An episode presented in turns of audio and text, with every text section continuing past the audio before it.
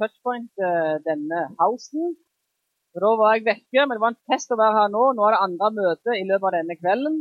Og Det var en vittig kjekt for meg som var med på touchpoint på starten. Vi har holdt på ufattelig lenge, faktisk i hele snart to år.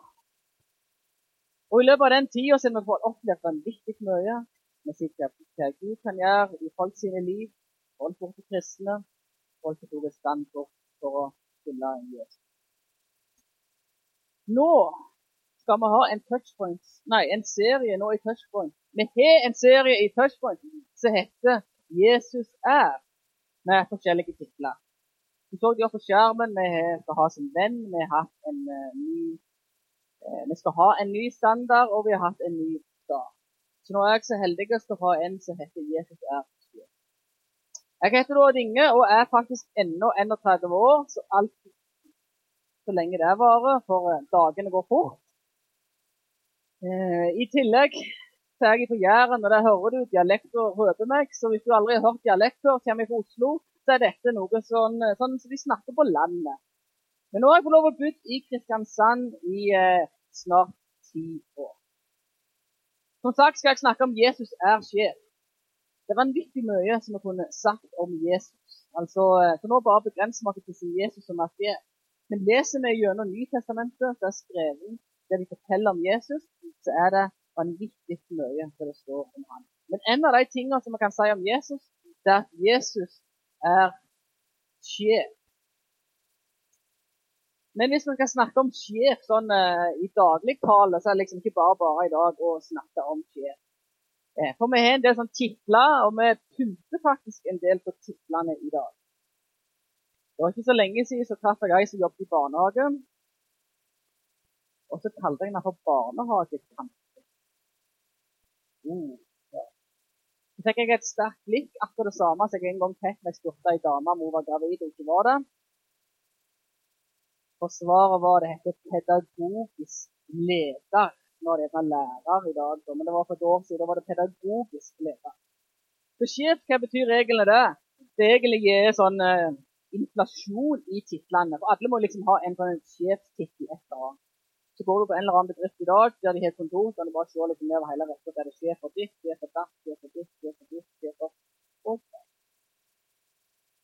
Jeg for min egen del jobber som lærer, og de kaller ikke meg lærer, de kaller for meg for linjeleder. Oh, fancy. Før jeg ble lærer, så var jeg snekker. Jeg jobbet som tømmermann i mange mange år. To år til sammen. Jeg jobbet som snekker. En av uh, kollegaene mine han fikk en sånn jobbekort sånn som de deler ut til kundene. Så må vi mobbe han til, for der sto det Der sto det, nå må jeg lese. Prosjektleder. Prosjektleder. Og vi måtte jo bare le litt av han. For prosjektleder du gjør jo bare en egen jobb. Du får en oppgave og gjør det. Så er det kalt prosjektleder. Typisk i dag. Men så har vi òg mange meningsløse titler som faktisk kan være veldig selvhøytidelige, oppblåste. Vi har jo noen her som skal lese for dere. ERA Sales Manager Business Travel Norway. Hva sier den? Northern Europe External Relational Senior Manager. Jeg fatter bedre, men jeg har dysleksi i tillegg, og det hjelper ikke når jeg skal lese engelsk. Men det var to lange titler som kommer opp hvis du søker opp meningsløse titler.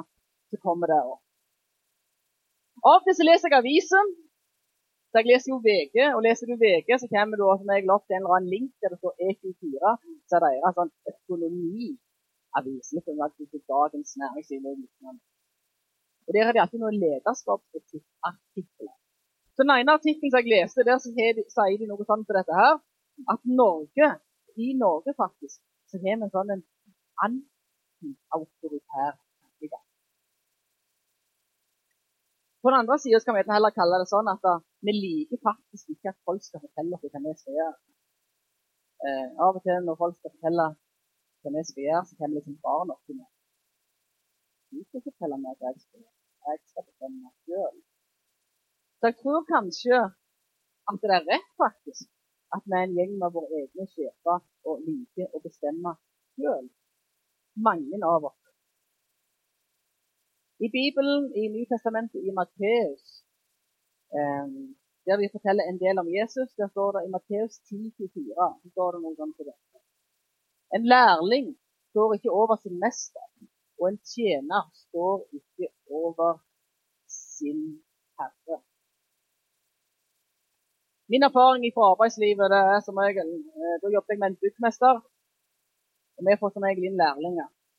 Normalt sett så sier byggmesteren noe sånt som dette her til lærlingen. Nå ga han han en oppgave. Nå skal du gå og skifte et vindu. Du skal gjøre sånn, og sånn, og sånn, og sånn, og sånn. Er det oppfattet? Så sier lærlingen. Du kan ikke heller gå og gjøre det sånn og sånn og sånn. og sånn. Det står bare byggmesteren. Det er begjæren, altså. Du vet det vel best, du, sier han bare til. Du skulle vite det, du, kommer etterpå. Det er sånn typisk gjørs. Du vet det vel best, du. Du skulle vite det, du. Men jeg tror det er faktisk en sånn ting som er mennesker. At det er faktisk at vi tror vi vet best i holdninger i forhold til mange ting i livet. Som snekker så viser det veldig tydelig. Men i tillegg så tror jeg at ganske mange kristne også har litt den holdningen at OK, Jesus, nå er jeg blitt kristen. Nå har jeg en billett til himmelen. Jeg tror på deg.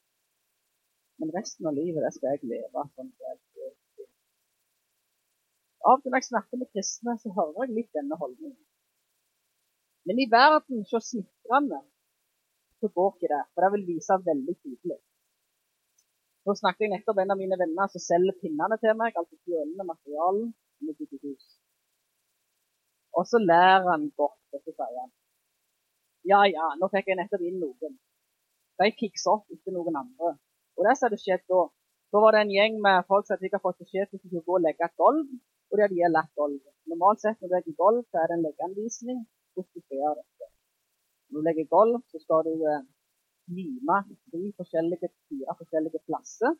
I tillegg så skal du styre med et visst antall studier, eller helst også disse her karene de ville heller bare vise hvor fort vi jobbet. Så derfor da de gikk tom for lim, så begynte de en annen lim. Og de gikk tom for lim igjen da, så brukte de ingen lim. Eh, så gikk det en liten stund, da, og de la på et gulv. Gulvet kosta ikke mer enn 80 000. Og de fikk kjøkkene kjøkkene kosta ikke mer enn mellom 100 og 200 000, så det er ganske normalt. Og så kommer knipset før det var noe rart. Og Det pleier ikke kundene være så veldig glad i. Så jeg måtte drive dette her opp igjen og gjøre det om. Men ekstremt, ekstremt mye. Da snakker vi om ekstra mange muligheter av dette. I den verden så er det veldig tydelig. Da viser det veldig godt hvem som kan noe, og hvem som ikke kan noe. Og om i tillegg eh, om du hører på folk som faktisk har greie på det, eller om du ikke hører på folk som har greie på det. Men jeg tror det er en ting med mennesker at vi liker å prøve sjøl. Vi liker å gjøre ting sjøl eller selv.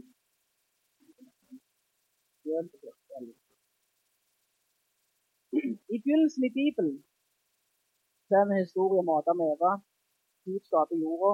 Han skaper en gjeng med tre klummete, eplete, kjøpetre, moreller, jordbær.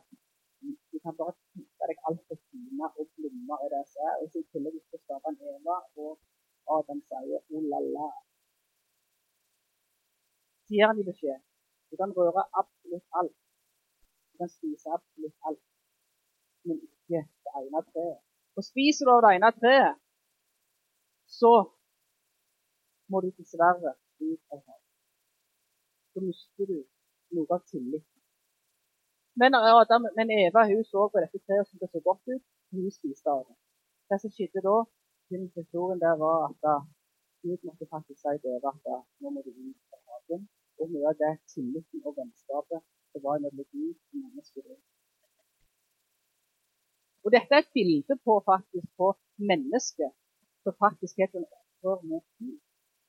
For En av hovedtingene Mennesket gjør en del feil, og det kaller vi synd. Og det er noe som faktisk ikke Gud tåler, for det er noe som ødelegger noe av det gode som han skapt. Men hovedtingen av dette det er at vi ikke stoler på Gud. Det er hovedting nummer to. Jeg har en påstand. Og påstanden går noe sånn til dette her. Det er godt å ha en sjef. Det er godt å ha en sjef. En av mine sjefer når jeg snitrer, eller min sjef når jeg snitrer, han heter byggmester, heter han, Oddrun Vadle. Han er et geni. Jeg pleier alltid si til han det er en grunn for at du er geni. Han er ufattelig flink.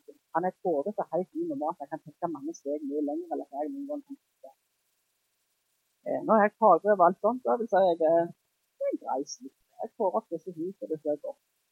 Men Oddmund er helt ekstremt så å jobbe med han, det er ekstremt tett. For det er at han er best. Og når han er best, så blir jeg brydd. Men siden jeg òg jobbet litt en stund, så av og til diskuterer vi løsninger. Spesielt hvis man har gamle hus. eller sånn, så diskuterer vi som regel hvordan skal vi gjøre dette her. Så diskuterer vi fram og tilbake. Og til slutten har jeg måttet lært meg det for to år før jeg lærte meg det. Så sier jeg da at OK, hva bestemmer du? Hvordan vil du ha det? For da har vi diskutert. Så drar Oddmund linja, og så sier han vi gjør det sånn. For meg så er det vanvittig trygt å ha en sjef. For at jeg slipper ansvaret. Og hvis jeg lurer på noe, så kan jeg gå til Oddmund, og så får jeg et ekstremt godt svar. Og jeg er til. I Bibelen òg snakker vi om lærling, fagmann. Lærling, mester lærling sjef. Eller kanskje noen vil bruke et annet ord som er litt finere, trainee eller noe sånt, men det finnes egentlig i min verden. Lærling. Men når det gjelder å være lærling til Jesus, så blir vi aldri utlært. Men vi vil følge han gjennom hele livet. Vi vil lese en del hva han gjør. Vi vil se en del hvordan han handler gjennom Bibelen. Og så kan vi lære av dette og ta det med oss. Vi blir aldri utlært det er sin grunn for dette her. Gud er Gud, og du er ikke gjør han til seg med Gud. Jeg skal prøve å si det finere. Gud er Gud, men du er ikke. Og det en gang til. Gud er Gud, og du er ikke. God is God and you are not. Gud har skapt deg, ikke omvendt.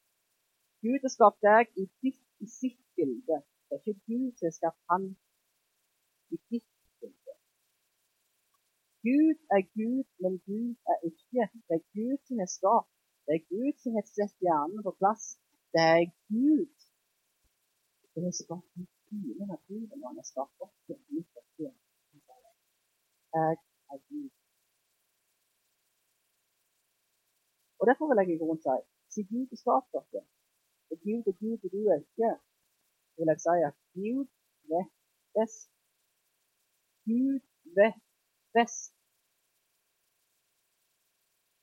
Jeg skal fortelle en liten historie. Jeg skal lese litt fra Bibelen til dere nå. I Lukas 6, 46 og 58, det kan være blitt senere. Hvorfor kaller dere meg Herre, Herre, og gjør ikke det de sier? Hvorfor kaller dere meg Herre, Herre? Hvorfor kaller dere meg for sjef, sjef, og gjør ikke det de sier? Dette er skrevet i etterkant av en tale til Jesus halv. Jesus gikk i og halv en del taler. En av de mest kjente den kaller de for bærpreikenen, eller slettepreikenen. Og Før han sier dette her, så underviser han om hvordan vi skal leve livet. Den første tingen han sier, det er dette her. Dere, dere er jordens salt. Dere er jordens salt. Så lev da som at dere er jordens Den mener da det er veldig greit at vi skal gå ut i verden og vi skal gjøre godt. Vi skal gå ut i verden og der er det vondskap. Vi skal gå ut i verden, og så skal de vise, og så skal folk kjenne at det er godt å være med der.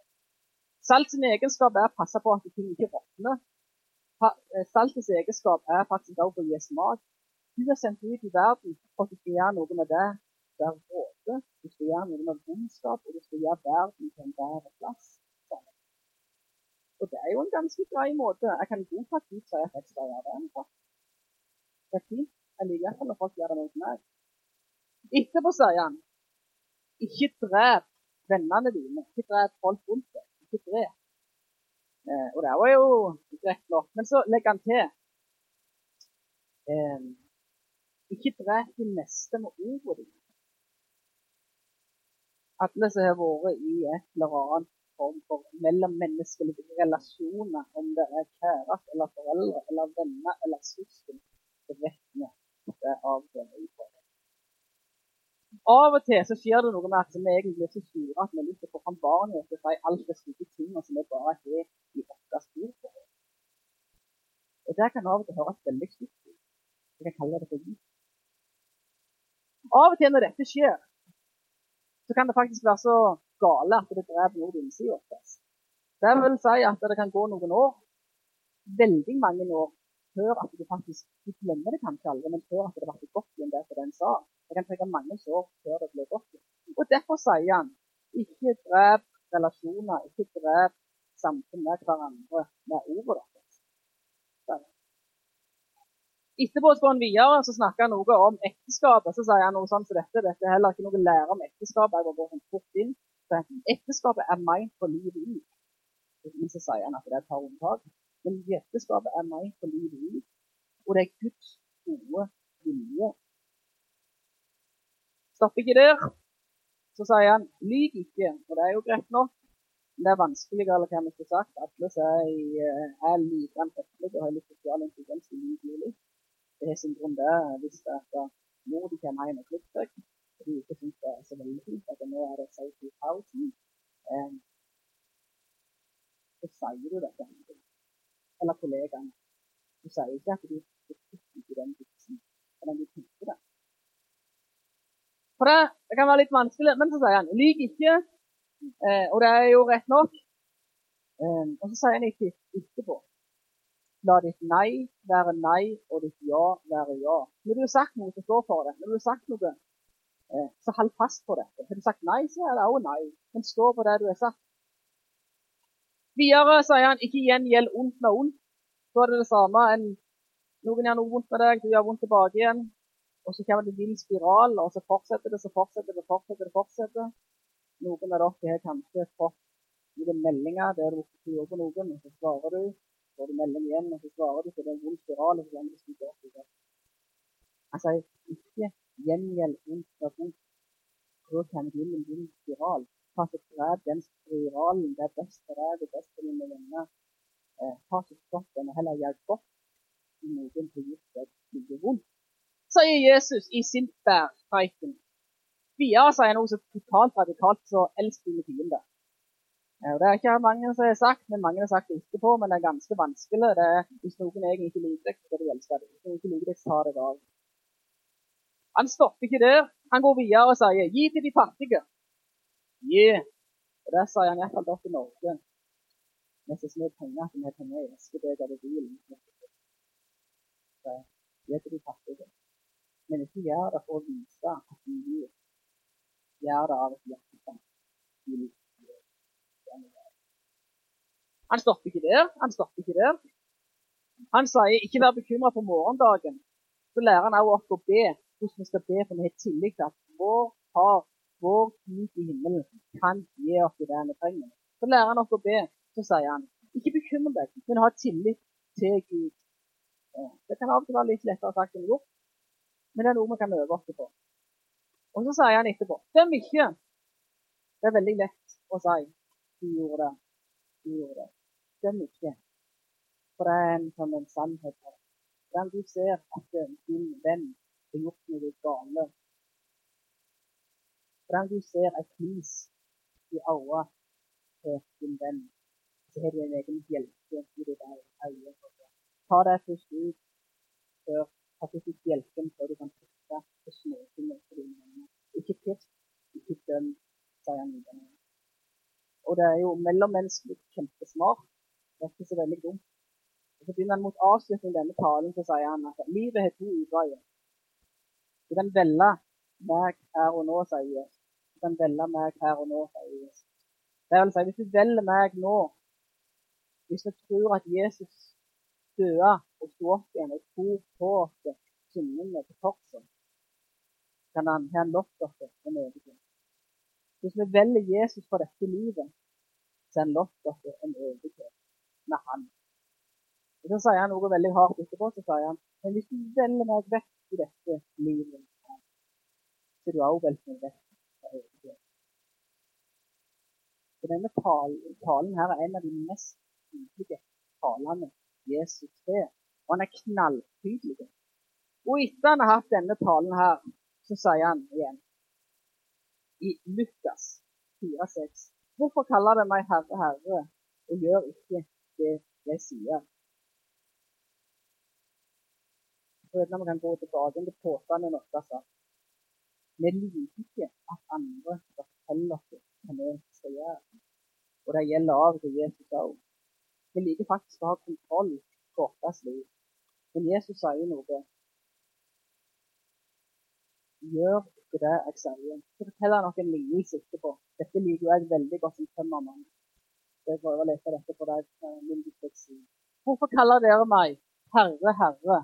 Hvorfor kaller dere meg sjef, sjef? og gjør ikke det jeg sier. Den som kommer til meg og hører mine ord og gjør det det sier, jeg skal vise dere hvem han ligner. Han ligner et menneske som skulle bygge et hus, og som gravde dypt under grunnmuren på fjell. Da flommen kom, brøt elven mot huset, men kunne ikke rokke det, for det var godt bygget. Men den som hører og ikke gjør etter det, ligner et menneske som bygger huset på bakken uten grunnmur.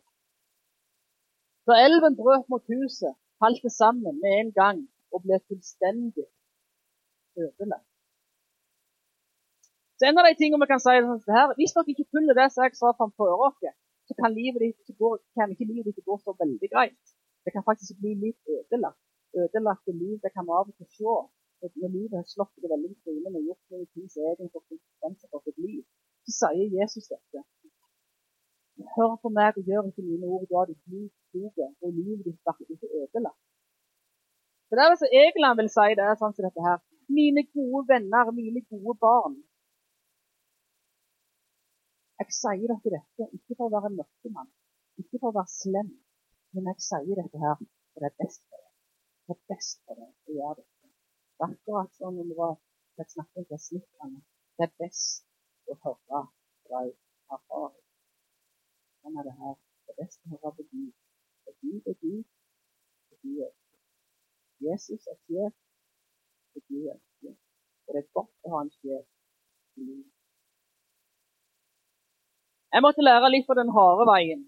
Jeg var i militæret, eller som jeg av og til pleier å si, i krigen. Så jeg endte opp i Harstad. Eh, jeg var 20 år. En skjedunge hadde jeg kjent meg selv i dag. Det er sikkert mest lik en selv juling. Jeg var litt ufordragelig. Jeg likte ikke at folk skulle fortelle meg hva jeg skulle si. Og militæret er jo ganske spesielt. Det er en gjeng med det vi kaller for småbefal. Sersjanter og kvartermester, alt hvor du er hen. Eh, det er liksom de som går pirker på det. Det går og pirker det med vaskredskaper, går det med hua, hua, lua, eh, og følger med deg hele veien. Og Det kan være litt provoserte for liksom en som har vært ute i arbeidslivet noen år før. og som det var skikkelig provoserte så ble det blant noen av oss vi måtte se at vi hadde lastebil. Og da var det bare sånn Det var en liten maktkamp mellom oss. Så hadde vi det veldig morsomt da, og vi likte å trykke alt det vi kunne. De sier vi skal på hua. Vi fikk ikke hua, for de sa det. For de gikk og. Sa vi skulle vaske skikkelig. Det gjorde vi jo. Eh, sånn som det passet. De sa vi skulle skifte sengeklærne eh, en gang i uka. Eh, ja. Det hadde seg sånn i militæret. Det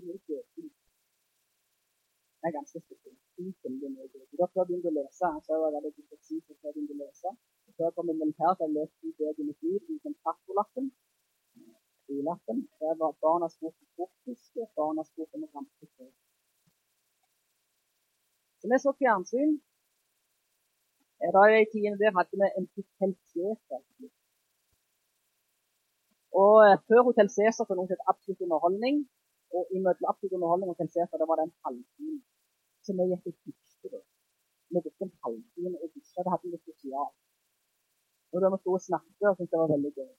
Og så etterpå, når klokka var halv åtte, så gikk vi i senga og så på Hotell Cæsar, og der var vi til dagen etterpå. Men disse små Follo likte jo å sjekke sengen vår. Jeg lå over, så jeg hadde en måte å huske, huske eh, til, å, til, at det så fint ut. Så det vil si at jeg alltid eh, hadde en sånn fin brett som presset ut om det akkurat over kanten. Så hadde de hoppet opp og sitt opp. Det sitt, eh, litt ut. Men så skulle vi reise fra så var det dette med å skifte sengeklær. En gang hver uke. Men siden jeg dusjer hver dag med absolutt underholdende, og Hotell Cæsar en hel halvtime, så var jo jeg rein. Så jeg gadd ikke skifte sengeklær.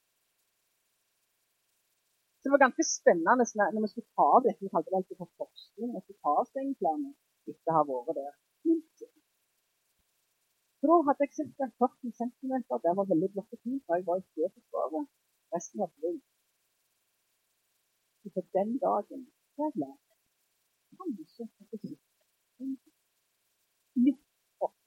Det kan være ganske greit. Tenk så jeg hadde gifta meg som 20-åring og hatt den holdningen. I tillegg så likte vi å provosere de så vanvittig. altså Vi lurte unna det meste som vi kunne. Så en dag skulle vi ut på øvelse, og eh, da skulle de alltid sjekke oss etterpå. Eh, og vi hadde alt med. med gassmasker. Vi hadde en sånn stridsvest med gassmasker på sida. Her framme der hadde vi sånn fullt av magasin. Og vi var jo sjåfører, så vi hadde jo fri tilgang på det meste. Så vi, vi hadde fått ut at det var en fin vinter. Men hvis du som sagt sjekket oss rett før, så sa vi at vi var ute før, så det slett. Vi trenger ikke sjekke oss med full kontroll. Så kom vi til i teltet der, og der hadde vi cola, baguetter, gassmasker, bamsemums, seigmennene, vi hadde snor som hadde en som var det små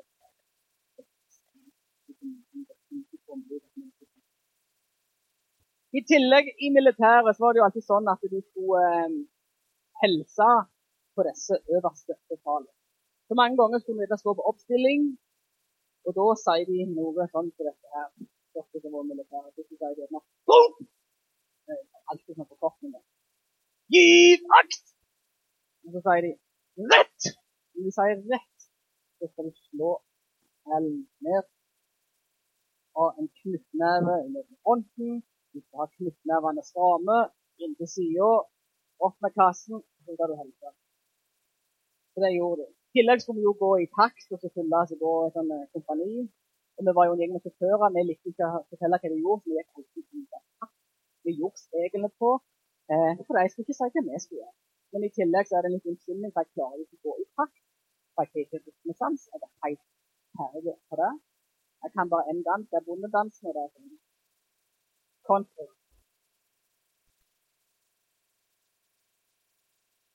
Men så kom jeg på et møte seinere. Jeg gikk faktisk på en bibelskole. Jeg sto bakerst. Eh, og siden jeg er jærbu, så er jo ikke jeg akkurat den Dere heter sikkert den kristne, hvis ikke veldig vant til Så mange ganger som lytter folk henne når, når de synger til Gud. Og det er en måte for overgivelse. Eh, og det er en måte for jeg tar imot det. Og det var liksom det typiske med men jeg husker når Jesus var sjef i mitt liv. Da sto jeg på bakerste benk. Og da sto jeg og så gjorde jeg sånn.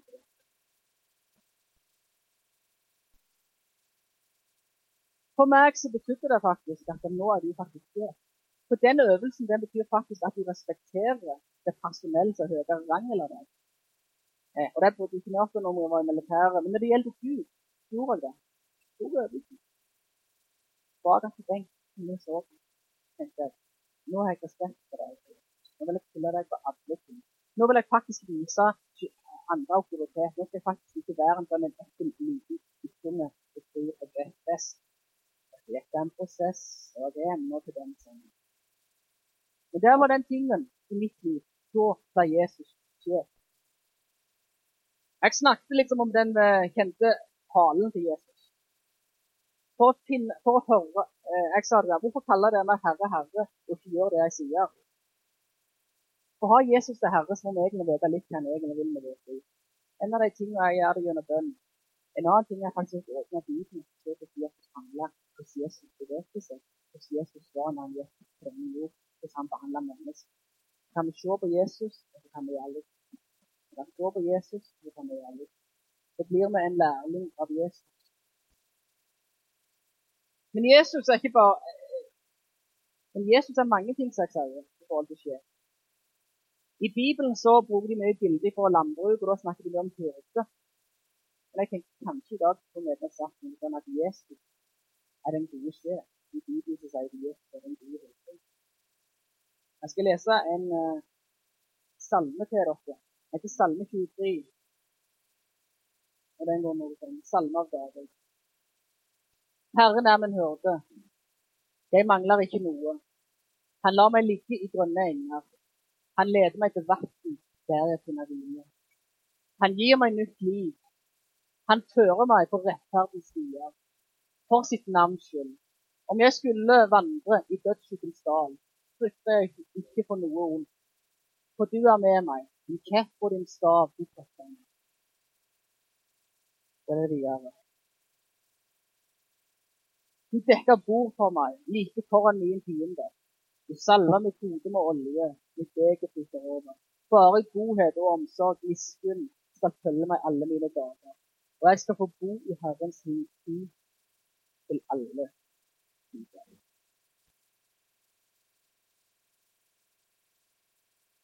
Dette er en salme som viser at Jesus er min hyrde. Jesus er min sjef.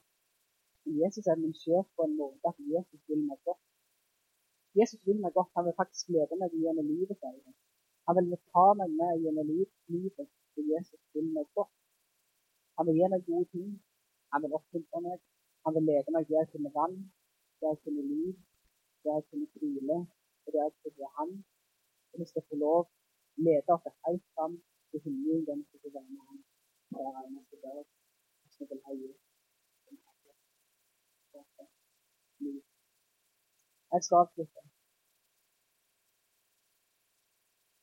Jeg sa noe sånn som dette her. Det er godt å ha en sjef.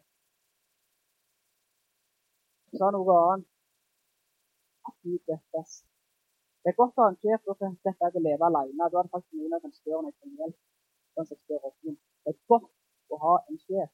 Og i alle fall når vi vet at det er Gud, og det er Gud som er staten. Han er min sjef. Det er godt å ha en sjef.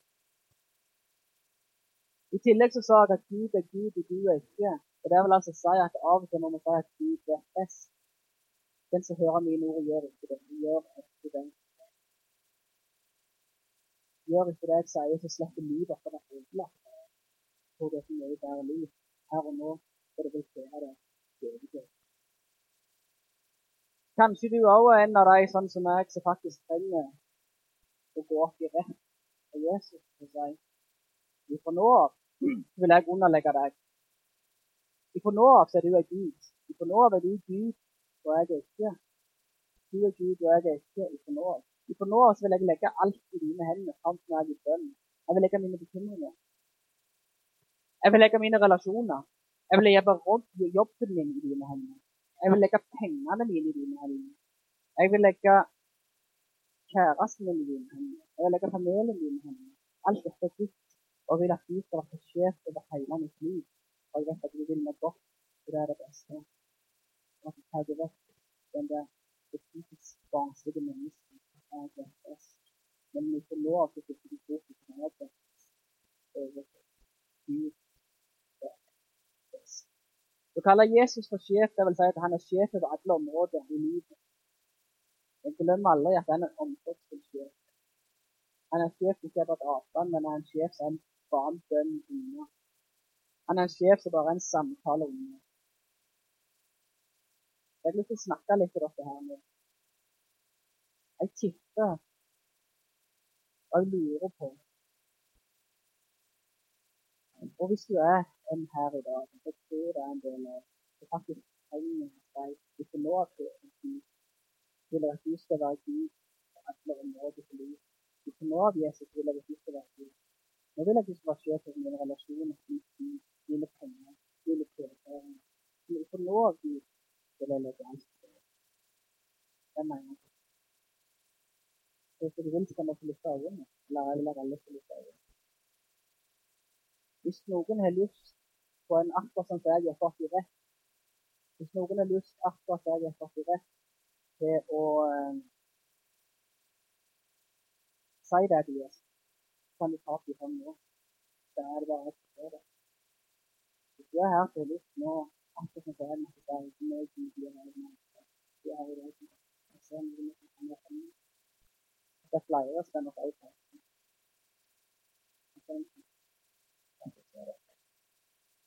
Så jeg har også lyst til å si hvis du er her i dag, så har jeg lyst til å si fra nå av vil jeg finne din vei. Fra nå så vil jeg at du så vil jeg tro på det. Jeg vil at du skal være herre og frelser i mitt liv.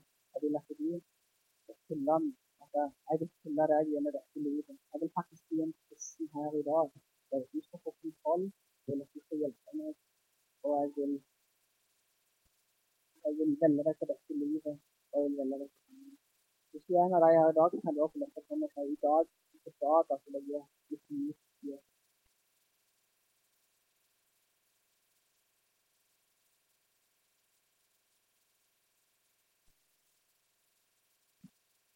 nytt.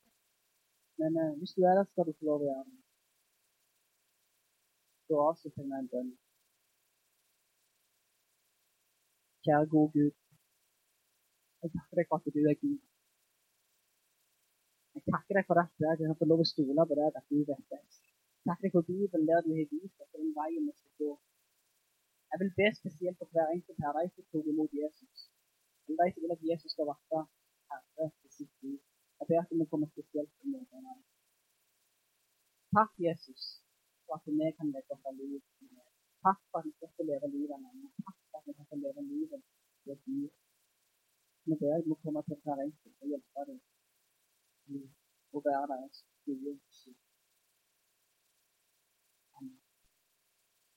Hvis du har lyst på forbønn eller samtale, så i hjørnet bak der så vil det være på min venstre, deres høyre, så vil det være folk som sitter der og ber for dere og snakker.